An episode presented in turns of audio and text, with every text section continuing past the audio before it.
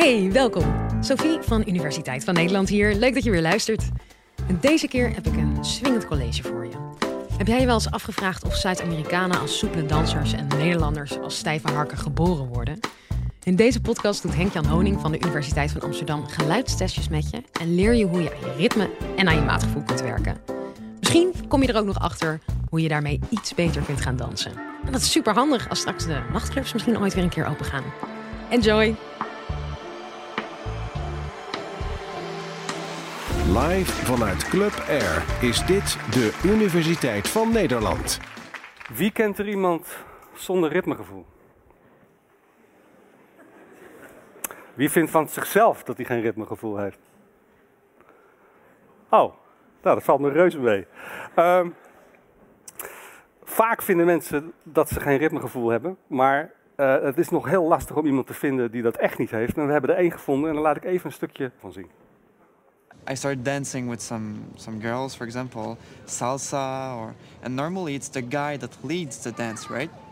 But in my case, the girls were telling me, "I'll lead the dance because you can't, because you're not following the tempo."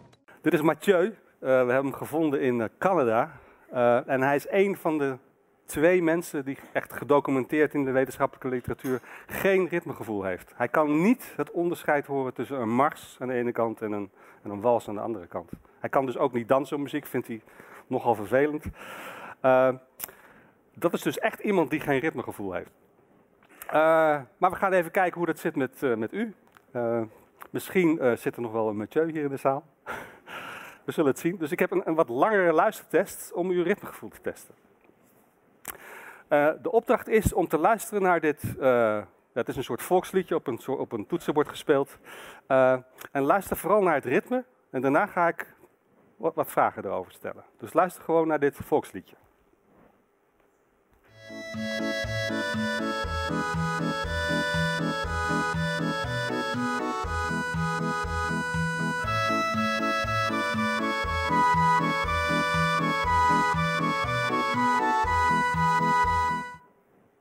Nu komen er twee uh, variaties hierop. En je moet zeggen, welke is nou ritmisch gelijk aan wat je net gehoord hebt?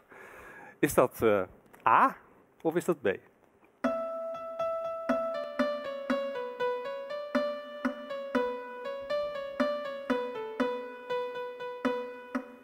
Of is het B?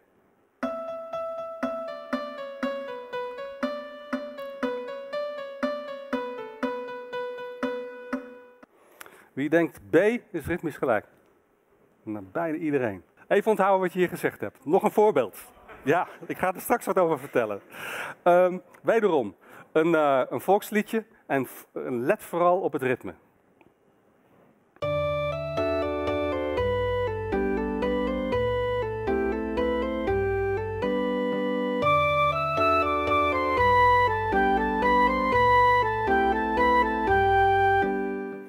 Nou komen er weer twee variaties en de vraag is wederom, welke is ritmisch gelijk?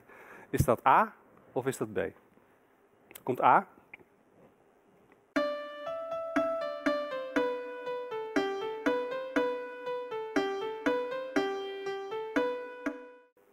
Of is het B?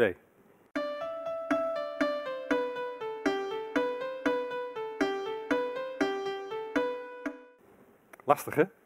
Dat is echt lastig. Uh, wie denkt A? Wie denkt B? Weer een 50-50 situatie. Ja, we zijn hier experimenten, grote, belangrijke experimenten aan het repliceren. Dat is altijd geruststellend. Um, dit experiment is in het groot gedaan met, uh, in, in, in, uh, op Harvard University met, met Amerikaanse en Noord-Amerikaanse luisteraars. En die deden eigenlijk precies hetzelfde wat hier gebeurt. Het eerste ritme wat u hoorde, hoort bij de, is een enkelvoudig ritme in een enkelvoudige maatsoort. Dat betekent zeg maar een, een, een maatsoorten zoals een wals en een mars. Muziek die we vaak in West-Europa horen op de radio.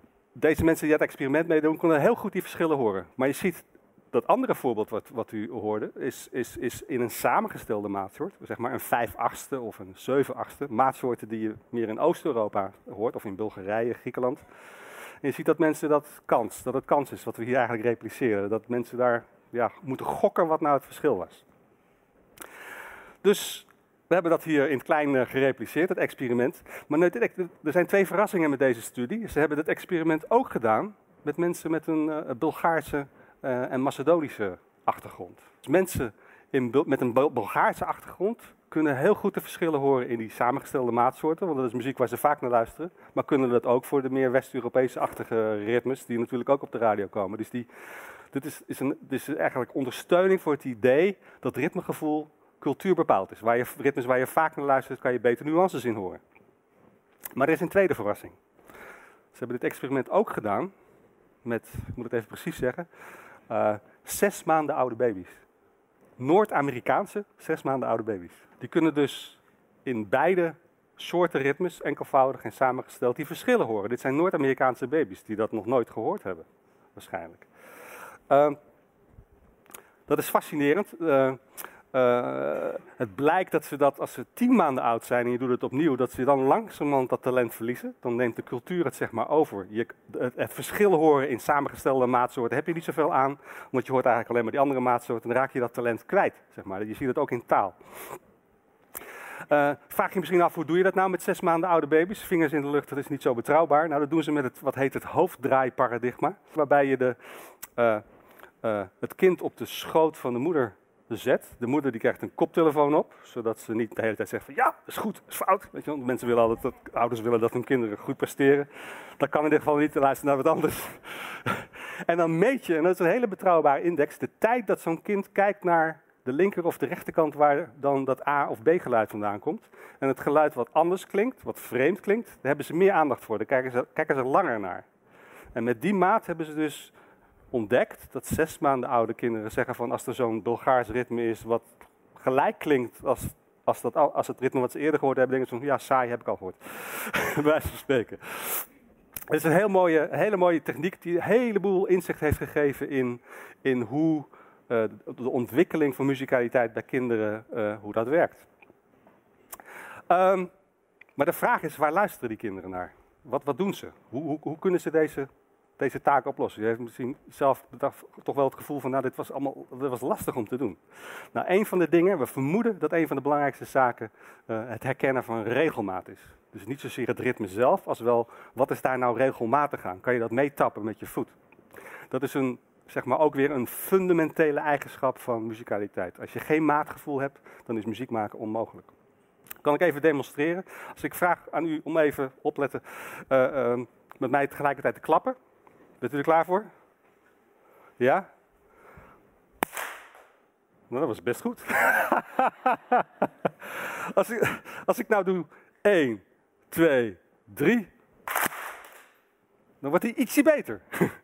en dat is eigenlijk zeg maar maatgevoel. Als je iets aan ziet komen, als je weet van die tel komt, je die regelmaat hoort in muziek, dan kan je op muziek dansen, dan kan je samen muziek maken. En dat is zeg maar uh, uh, een, een, ook weer een triviale eigenschap, net zoals relatief gehoor dat is voor melodie, die, die zo fundamenteel is dat, dat, je, dat we graag willen weten hoe dat werkt. Het lijkt zo simpel. Het lijkt echt een heel simpele eigenschap. En wat we daar eigenlijk voor doen is, we maken daar computermodellen van. Om hier nou een computer neer te zetten en te, u te demonstreren hoe dat werkt is niet zo illustratief, maar ik kan het illustreren met metronooms. Als ik nou muziek uh, zeg maar, de melodie weggooi, de harmonie weggooi. Ik gooi zelfs het ritme helemaal weg en ik laat het, wat ik hem overlaat is eigenlijk alleen maar de regelmaat van een stuk muziek. Dus dit is de muziek. En dit bent u, dit is de luisteraar. De luisteraar die heeft een bepaald voorkeur voor een bepaald tempo.